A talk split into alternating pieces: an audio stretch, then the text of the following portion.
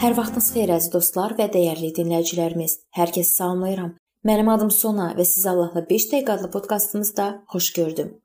Bu gün biz texnologiyalar, əqidələr və yerli imanlar cəmiyyəti mövzusunu araşdırmağa davam eləyirik və biz keçən görüşdə fikir ayrılıqları halında bir neçə əsas prinsipləri araşdırırdıq və gəlin bunu davam eləyək.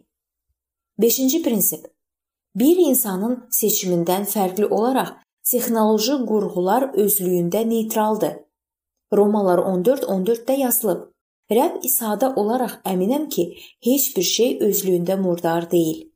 Texnoloji qurğular onlardan necə istifadə etdiyimizdən asılı olaraq yaxşı ya pis olur. Bu isə bizim şəxsi ruhani vəziyyətimizdən asılıdır. Sitə 1:15-də yazılıb: Paklar üçün hər şey pakdır ləkəli imansızlar üçün də pak heç bir şey yoxdur. Amma onların həm düşüncəsi, həm də vicdanı ləkələnmişdir. Qərarlarımızda özümüzə qarşı dürüst olmalıyıq.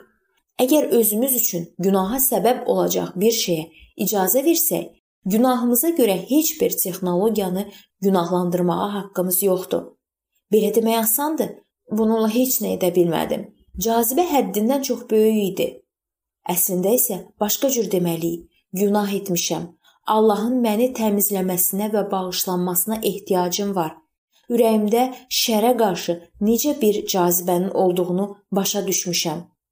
6-cı, həyatımızın bütün sahələrində Rəbbə aidik. Biz özümüzə aid deyilik. Paul yazıb 1-ci Korinfillərə 10:31-də. Nə yeyirsinizsə, Nə içirsinizsə, nə edirsinizsə, hər şey Allahın izzəti üçün edin. Biz əlavə edə bilərik. İstər mətn mesajı, istər elektron məktub yazın, istərsə də Google-dan istifadə edərək məlumat axtarın. Hər şey Allahın izzəti üçün edin. Biz çox tez bir zamanda baxışlarımızı Allaha izzətləndirməkdən insanı və onun malını izzətləndirməyə çevirə bilərik. Hər şeydə Allahı izzətləndirmək olduğunu başa düşməsək, qismətimiz ixtilaf və fitnə olacaq.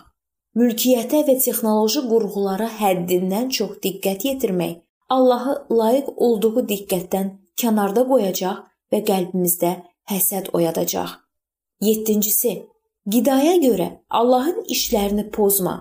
Hamısı təmizdir, amma yeməyi ilə başqasının büdrəməsinə səbəb olan adam pislik edir. Bu Romalılara 14:20-də yazılıb. Texnologiyaya görə Allahın işlərini pozma deyə bilərik. 1-ci Korinlilərə 8:9-da yazılıb: Diqqətli olun ki, sizin seçim ixtiyarınız zəif olanların büdrənməsinə səbəb olmasın. Etiraf etməliyik ki, bir şeydən tamamilə imtina etmək bəzən hər kəs üçün ən yaxşı müdafiədir. Gəlin qardaş və bacılarımızın xeyrinə özümüzdən və istəklərimizdən imtina etməyə hazır olaq müxtəlif texnologiyaları birlikdə müzakirə edə və öz təhlükəsizliyimiz üçün necə hərəkət etməli olduğumuz barədə müəyyən fikir birliyinə gələ bilərikmi? Allaha sadiq qardaşlarımızın təcrübələrini qəbul edib onlara riayət edə bilərikmi? Yerli bir icma və ya qardaşlıq texnologiyalara münasibətdə hansı isə minimum tələblər qoyarsa, bu bir üstünlük hesab edilməlidir. Bu qaydalar bütün imanlar cəmiyyəti üzvlərinə mövcud olan təhlükələri anlamağa kömək edəcək və eyni zamanda onların vəsvəsəyə ən çox məruz qala biləcəkləri yerləri göstərəcək.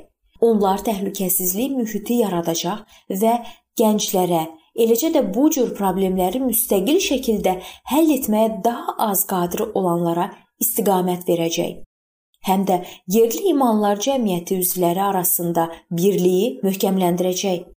Amma bu cür qaydaların qəbulu üçün məsələnin ümumi müzakirəsi və təhlili lazımdır. Bu problemin daha yaxşı anlaşılmasına və şəxsi əqidənin yaranmasına kömək edəcək. Efeslilərə 6 10-13-də yazıldığı sözlərlə bitirmək istəyirəm görüşümüzü. Rəbdə və onun böyük qüvvəsində möhkəmlənin. İblisin, yəni müasir texnologiyalar vasitəsilə tətbiq olunan hilələrinə qarşı dura bilmək üçün Allahın verdiyi bütün zirih və silahlara bürünün. Çünki mübarizəmiz qandan və ətdən ibarət olan insanlara qarşı deyil, şər başçılarına və hakim olanlara, bu qaranlıq dünyanın hökmranlarına səmadakı ruhani şər qüvvələri qarşıdır. Buna görə Allahın bütün zireh və silahlarını götürün ki, pis gündə müqavimət göstərib əlinizdən gələn hər bir şey etdikdən sonra dayana biləsiniz.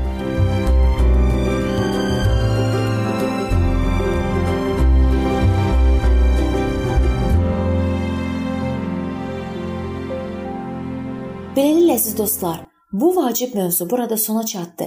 Hər zaman olduğu kimi sizi dəvət edirəm ki, bizim podkastlarımızı Facebook səhifəmizdən və YouTube kanalımızdan dinləməyə davam eləyəsiniz.